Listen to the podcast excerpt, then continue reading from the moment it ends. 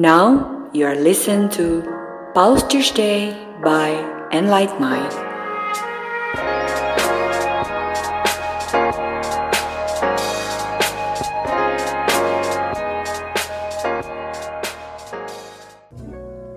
Hai, kembali lagi di podcast Post Thursday by Enlight Mind. Sekarang kita memasuki episode ke-10 bersama Dodo di sini dan ada Mbak Ika, Hai hai.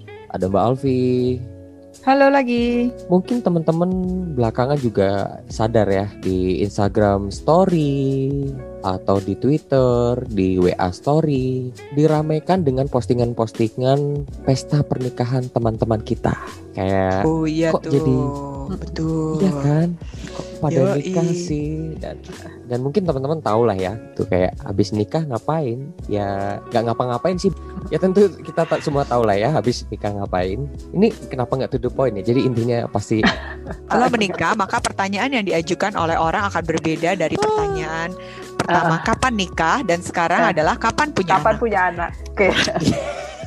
halus bener ya dan baik kapan punya anak dan kesehatan mental ini ternyata kaitannya sangat kuat dari beberapa sumber yang aku baca ada beberapa faktor seperti faktor dari lingkungan misalnya dari pasangan atau dari pola makan ya kan kayak kalau lagi hamil gitu yang paling sering aku dengar tuh kayak lagi ngidam gitu mangga muda ya nggak sih nah kalau menurut Mbak Ika Legenda gimana tuh? banget ya. Bagi, ah, Betul. Itu patutnya nggak nggak hamil juga pingin mangga muda kan. Dicocol sama garam enak bener. Ini ya soal bagaimana lingkungan ya, lingkungan dan pasangan ya. Mungkin aku ngomong pasangan dulu ya dok, karena gimana gimana namanya menikah itu kan berdua ya, nggak ada sendiri gitu. Kalau ngomongin kesehatan mental sebenarnya penting banget saling support. Memang yang akan menghalangi kehamilan adalah istrinya gitu. Maksudnya yang akan mengandung gini ini adalah si istri gitu. Tapi ketika suami tidak mendukung istri, itu akan dampak. Contoh yang tidak mendukung tuh sebenarnya misalnya kayak gini nih. Misalnya suami sebenarnya belum pingin punya anak. Punya anak kan biaya misalnya kayak gitu ya. Punya anak akan perlu banyak pertimbangan nanti-nanti aja. Kemudian ada faktor lain misalnya suami sebenarnya eh, melakukan kekerasan terhadap istrinya. Jadi Yes, memang yes. ini ini sebenarnya mungkin sebenarnya bibit-bibit yang sudah ada dari dulu tapi mungkin tidak disadari oleh kedua belah pihak. Nah, ketika terjadi kehamilan kekerasannya jadi makin meningkat. Mungkin ya namanya gini, se- seorang yang sedang hamil itu kan sebenarnya cukup banyak mengalami perubahan ya dok. Gitu. Maksudnya Betul, ada betul. yang ada yang baik-baik aja gitu, tapi banyak juga yang berubah karena kan memang pengaruh hormon, pengaruh perubahan fisik gitu ya. Hmm, Jadi misalnya yang sehari-hari mungkin istrinya tuh bisa seperti kayak nggak kenal capek, sekarang mungkin jadi lebih mudah capek. Nah, gitu. Dan si ketika si pasangan ini tidak mau memahami gitu ya bahwa ada perubahan loh di istri atau bisa gitu ya, mungkin istri jadi lebih mudah mengeluh, eh, jadi pingin pingin macem-macem gitu kan hal-hal yang hmm, yang mungkin nggak masuk akal. Bah- bahkan sesimpel minta mangga muda pun mungkin untuk relasi-relasi yang tidak terlalu baik itu bisa dianggap jadi masalah, gitu loh. Hmm, betul. dan ketika pasangan tidak memahami itu kemudian terjadilah konflik atau bahkan sampai kekerasan itu juga pasti akan berpengaruh pada ibu dan juga akan pada janinnya gitu loh. Belum lagi ditambah bila ada tekanan-tekanan juga dari lingkungan sekitar tanya-tanya terus kemudian eh, jadi seolah-olah kayaknya orang lain yang pengen kita hamil gitu. Padahal kan yang jalanin kita sama pasangan gitu ya. Ya Mhm. kayak aku sendiri juga memang awal-awal dulu pernah ngalamin gitu ya. Aku berencana menunda tapi orang sekitar suka bertanya kenapa sih ditunda? gitu. Terus kita kan gue yang nunda ya gitu kan. Ada orang tua yang berharap ketika anak yang menikah maka akan langsung akan ada cucu-cucu sebagai penerus keluarga sehingga ketika pasangan ini ingin menunda akan diberi tekanan yang sangat besar kepada mereka jadi mereka mengabaikan eh, lingkungan sering mengabaikan kesiapan dua orang ini sendiri gitu. Yes. Yang tadi aku bilang kan suami istri sebenarnya harus siap dulu ketika idealnya ya harus siap gitu ketika punya anak. Istri pun harus siap gitu bahwa ketika bahwa saya mau punya mau hamil, hamil itu aja akan berproses, akan ada banyak gitu perubahan di seorang perempuan. Belum lagi ketika dia akhirnya nanti anaknya sudah lahir itu akan ada perubahan lagi. gitu. Hmm, Jadi suami juga harus siap menghadapi perubahan-perubahan itu dan ketika mereka ini aja belum siap tapi lingkungan sekitar memaksa terus harus siap harus siap as if mereka yang ngejalanin itu kan akan memberikan tekanan kepada mereka betul. dan banyak loh aku banyak banyak menemukan adalah akhirnya pernik apa kehamilan yang di jadi dalam tanda kutip dipaksakan ya. Dalam arti karena takut. Sebenarnya sih belum pingin capek ya capek diomongin. Capek diomongin. Apalagi ada keyakinan kalau kita menunda kehamilan di awal-awal itu nanti akan makin susah hamil. Kehamilan itu tidak sesederhana itulah. Kehamilan itu Hmm. tidak sederhana uh, laki-laki dan perempuan uh, bereproduksi dan kemudian jadi anak ada anak gitu ya karena itu Iya. banyak hal yang perlu disiapkan dan kesehatan mental ibu yang sedang mengandung ini menjadi terdampak karena ada ekspektasi-ekspektasi dari lingkungannya. Misalnya, eh, kadang-kadang kan namanya orang sedang hamil ya, ada saja gitu eh, keluhan-keluhan di tubuh, perasaan nggak enak atau pengen ini, pengen itu, cranky lah. Tapi tekanan sosial eh, mengekspektasikan dia untuk ya kamu harus kuat lah, namanya perempuan pasti hamil, emang kodratnya gitu. Bukan mendapatkan dukungan, malah dapatkan ekspektasi yang kadang berlebihan dan sebagai sebagaimana kita juga pernah bahas ya ekspektasi-ekspektasi sosial kadang diserap menjadi ekspektasi terhadap diri sendiri dalam konteks Hmm, ya ibu yang hamil ini ya. Nah menurut Mbak Alfi itu gimana? Memang sering kali apa yang menjadi tuntutan-tuntutan dari lingkungan itu kan sifatnya sesuatu yang diulang-ulang ya. Hmm. Nah, eh, memang ada prinsip bahwa sesuatu yang diulang-ulang lama-lama masuk ke bawah sadar. Tanpa disadari juga oleh kita seakan-akan itu adalah keinginan kita gitu. Sehingga menimbulkan ketidakpuasan terhadap diri kita sendiri. Saya nggak bisa lagi eh, tampil sekinclong dulu kok sejak hamil ini eh, kulit saya menjadi lebih hitam, terus saya kok jadi lebih jerawatan, yang kayak gitu-gitu. Nah, Hmm, Jadi kan menimbulkan ketidaknyamanan terhadap diri sendiri. Tapi itu balik lagi, kadang-kadang ekspektasi lingkungan memang tanpa disadari masuk menjadi bagian dari program bawah sadar kita.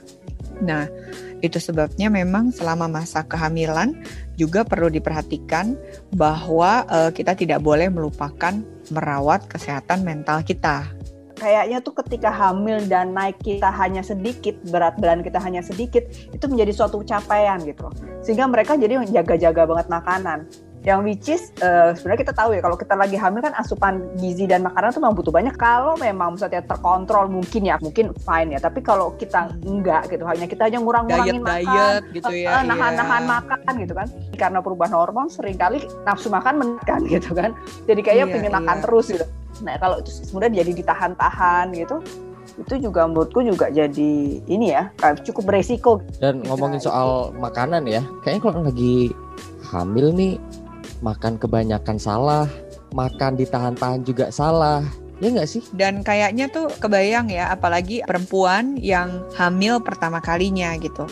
Dari yang eh, sebelumnya mungkin berusaha menjaga berat badan, bentuk badan yang lagi aktif-aktifnya, mungkin kayak gitu-gitu ya di usia yang mungkin dewasa muda. Terus tiba-tiba harus mengalami eh, apa namanya perubahan hormonal yang berakibat pada perubahan eh, bentuk tubuh, terus perubahan warna kulit gitu. Tentunya itu juga menjadi sesuatu yang membuat kita merasa nggak percaya diri, terus kita juga merasa cemas ya akan penilaian orang. Tuh kok dia hamil tetap halus, tidak ada stretch mark kan banyak tuh sekarang lagi tren tuh menampilkan perut kan gitu. Jangan aku mulai berstretch mark itu memberikan tekanan tersendiri sebenarnya pada ibu hamil ya. Ya, berarti tekanan sosial itu nggak cuma datang dari orang-orang sekitar, bahkan juga dari orang-orang nggak kita kenal gitu, nggak sih? Kayak Iya. influencer gitu-gitu kita nggak kenal ya. Iya. Yes, dan kira-kira kalau dari Mbak Alfi dan Mbak Ika ada nggak saran buat pasangan dari si ibu hamil ya? Kehamilan ini sebenarnya kerja dua orang bukan satu orang bukan hanya si istri ya. Eh, jadi ya terlibatlah terhadap kehamilan istrimu gitu loh. Maksudnya eh, tidak hanya terlibat dalam mem- membuatnya ya tapi maksudnya misalnya yang simple ketika memang dia harus kontrol ke dokter ketika Hmm. misalnya kita juga memantau apakah eh, makanan dia cukup bergizi kayak gitu. Termasuk kita juga bisa meminimalisir meminimalisir stres-stres yang mungkin muncul dari lingkungan Mbak Ika tadi udah nyebutin soal bagaimana suami harus bisa menjadi pelindung dari omongan-omongan yang negatif dari lingkungan sosialnya, keluarganya gitu. Dan mungkin juga untuk para pendengar yang kebetulan punya orang di sekitar Anda gitu yang sedang mengandung, mungkin dari Mbak Alfi ada saran-saran nih kira-kira apa yang bisa dilakukan ya kalau Anda punya keluarga yang sedang mengandung atau Anda punya tetangga, teman sedang mengandung gitu. Apa dukungan apa yang bisa diberikan kira-kira? menerima keadaan apa adanya ya sebenarnya ya. Jadi memaklumi bahwa memang ada uh, perubahan-perubahan yang terjadi baik secara fisik maupun secara emosi sehingga mungkin apabila ada hal-hal yang kurang berkenan bisa di apa namanya ditanggapi dengan cara yang baik ya. Tapi itu nggak berarti juga bahwa orang yang hamil bisa seenaknya juga gitu. Nggak demikian. Kita perlu punya kacamata yang berbeda gitu. Terutama ketika mungkin ada keluhan-keluhan atau ada perubahan-perubahan yang sangat jelas oleh mata ya kita nggak perlu mengangkat itu menjadi bahan pembicaraan di awal. Kulitnya kelihatan lebih kotor ya, itu kan nggak nyaman yang kayak gitu. Ketika melihat dia mungkin pagi lagi jalan jalan. Wah, seger ya pagi-pagi. Udah jalan pagi hebat sehat gitu ya. Jadi eh, afirmasi-afirmasi positif ini baik untuk diterima oleh ibu yang sedang hamil karena didengarkan oleh telinga dan seperti podcast yang sebelum-sebelumnya saya bilang apa yang masuk ke telinga kita ke seluruh panca indera kita itu masuk ke emosi kita. Maka dia akan menyimpan emosi yang baik gitu. Tentang aktivitas yang dia jalankan dan perasaan yang baik tentang diri dia. Yes. Dan mungkin terakhir dan yang paling penting yang ada nggak sih saran-saran yang secara praktikal bisa dilakukan dan dengan mudah oleh si ibu yang sedang mengandung ini untuk menjaga kesehatan mentalnya dalam masa mengandung ini dari Mbak Ika dan Mbak Alfi. Kira-kira bagaimana Mbak? Ketika kita membuat kehamilan kita itu sebagai hal yang yang biasa, dalam arti iya memang ada perubahan hormon gitu dan ketika kita capek kita istirahat, dalam arti gitu ya. Ketika kita pengen makan, ya makanlah. Sama aja kalau kita lagi nggak hamil kan gini, kita pengen makan ya kita makan. Tapi ketika kita tahu makanan gitu, kita misalnya, ya tadi kuku makan berlemak mulu ya, kita akan ngekat ya kayak gitu-gitu aja gitu. Sebenarnya itu juga bukan berarti bahwa ketika orang sekitar kita memaklumi, bukan berarti kita jadi bisa seenaknya. Hmm. Itu juga tetap harus diingat sih. Dan menurutku itu akan bisa tercipta ketika memang kita benar-benar terus jaga menjaga kesehatan mental kita gitu loh. Kita jadi ya itu tadi bisa membuat keham, merasa membuat kehamilan ini adalah sesuatu yang memang kalau aku memang harus pergi dan memang bisa ya pergi. Tapi kalau memang nggak bisa ya udah gitu kan. yes. kan. Kita bisa atur next time untuk pergi. Dibuat seperti itu gitu. Kalau dari Mbak Alfi gimana? Iya. Sebenarnya kehamilan adalah bagian dari perjalanan hidup perempuan, walaupun nggak semua perempuan ya. Dan memang karena ada perubahan-perubahan hormonal, maka akan lebih mudah terpicu oleh stres juga gitu. Artinya hormon kortisol juga, kortisol itu hormon yang menyebabkan stres, itu juga uh, tampak lebih tinggi di dalam kondisi hamil karena tadi ya memang ada perubahan bentuk tubuh, kenyamanannya juga jadi berbeda. Yang biasa bisa dilakukan sekarang nggak bisa dilakukan. Yang biasanya mungkin bisa keluar malam bareng pasangan sampai mungkin tengah malam yang ini sekarang gampang masuk angin nih. Nah, tapi memang yang perlu dilakukan untuk menjaga kesehatan mental adalah menerima pertama bahwa ini adalah bagian dari perjalanan hidup. Ya ada perubahan, ya ada ketidaknyamanan. Ketika ada rasa yang nggak nyaman, kesel atau apa, nggak apa-apa sama kayak yang dulu misalnya tetap sit with the emotion tapi bisa melakukan aktivitas-aktivitas tambahan misalnya di pagi hari seperti postingan kita yang hari Selasa bisa dilakukan juga. Hmm. grounding uh, grounding itu artinya bersentuhan dengan permukaan bumi. Baik itu di tanah di pasir di air gitu ya bisa ya. Nah grounding ini juga bermanfaat untuk menenangkan tadi ya bikin calming relax terus juga lebih uh, membantu mengurangi depresi stres, kecemasan, seperti itu. Terutama kalau dilakukan sambil jalan sadar. Jadi lagi grounding pagi jangan sambil telepon atau sambil nonton Netflix di HP gitu ya. Jadi tinggalkan dulu itu si gadget, jalan sambil benar-benar menikmati bahwa oh ya ada suara kicauan burung, oh ada angin yang kena kulit. Ini rasanya seger ya, kaki kena rumput oh ada bau rumput yang habis kena hujan yang kayak gitu-gitu. Itu adalah bagian dari jalan sadar plus grounding juga. Nah, selain itu juga bisa mengikuti yoga untuk ibu hamil bisa. Karena itu penting untuk men-stretch otot-otot yang mungkin lebih uh, terasa gampang pegel ya, gampang hmm. pegel uh, pada waktu kehamilan terutama bagian punggung juga ya karena kan ada tambahan beban di bagian perut gitu. Nah, terus juga ada perawatan-perawatan uh, kesehatan mental meditasi misalnya itu juga baik dilakukan sehari-hari untuk membantu menjaga stabilitas emosinya gitu ya.